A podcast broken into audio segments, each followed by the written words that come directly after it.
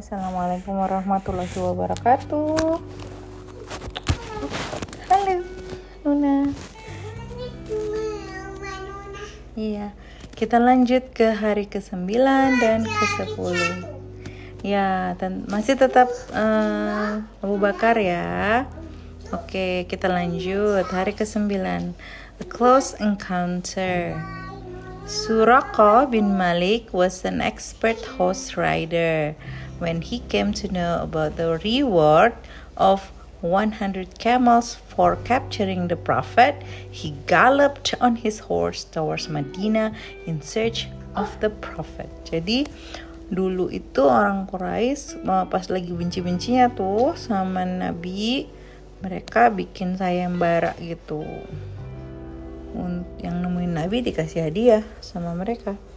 He came to know that four men had been seen moving towards Medina.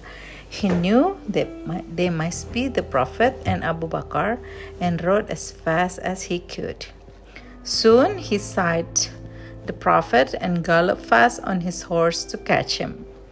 However, when he reached closer, his horse stumbled jadi uh, kudanya tuh pas lagi mau deket kudanya um, apa deh stumble itu kayak nyangkut gitu loh kakinya kesandung.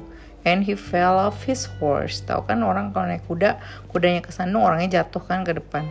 He remounted the horse and galloped fast and came to within talking distance of the prophet.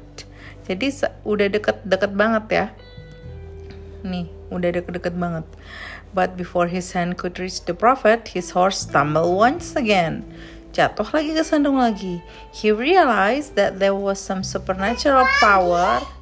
Jatuh lagi kudanya. Some supernatural power protecting the prophet and it was futile to do that he had intended. Ya kan?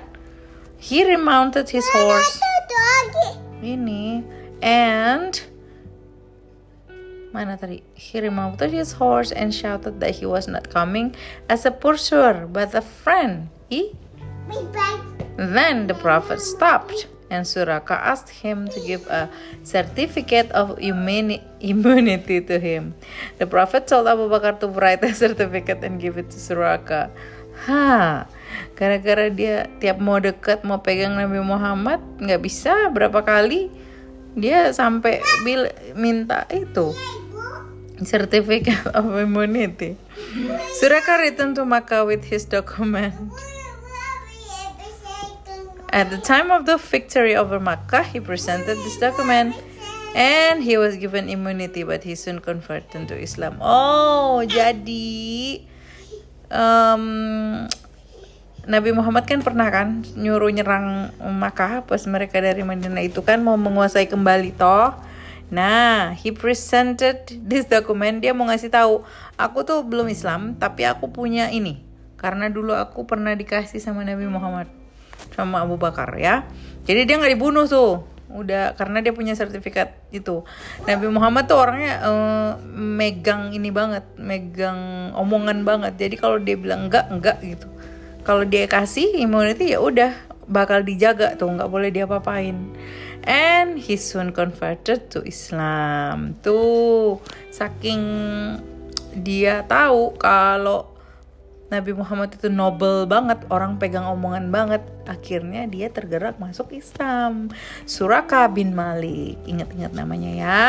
Oke, okay, day 10, hari ke-10. I have Allah and the Prophet for my family.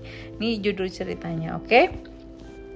Lanjut, when the Prophet Muhammad Sallallahu Alaihi Wasallam was sending the Tabuk expedition, tahu kan perang Tabuk 630 CE to the Syrian border, nih dia ke Syria.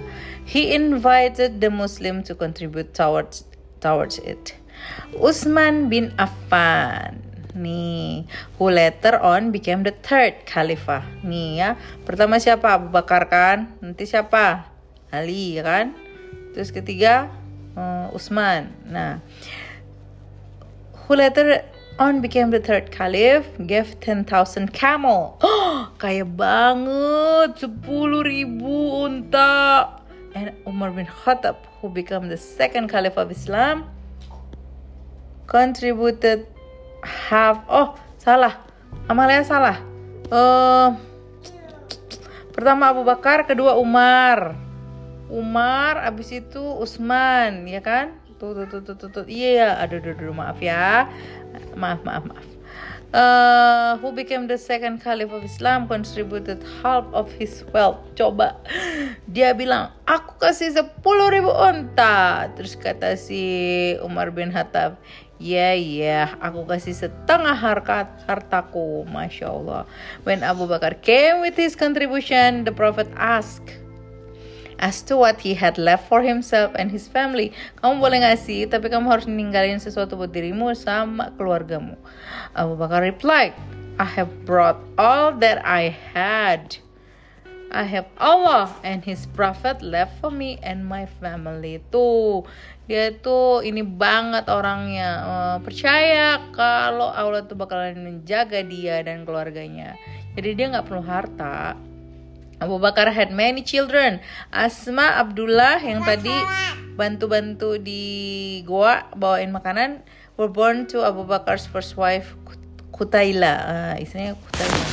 Abdurrahman and Aisyah were born to Ummu Ruman, istri keduanya.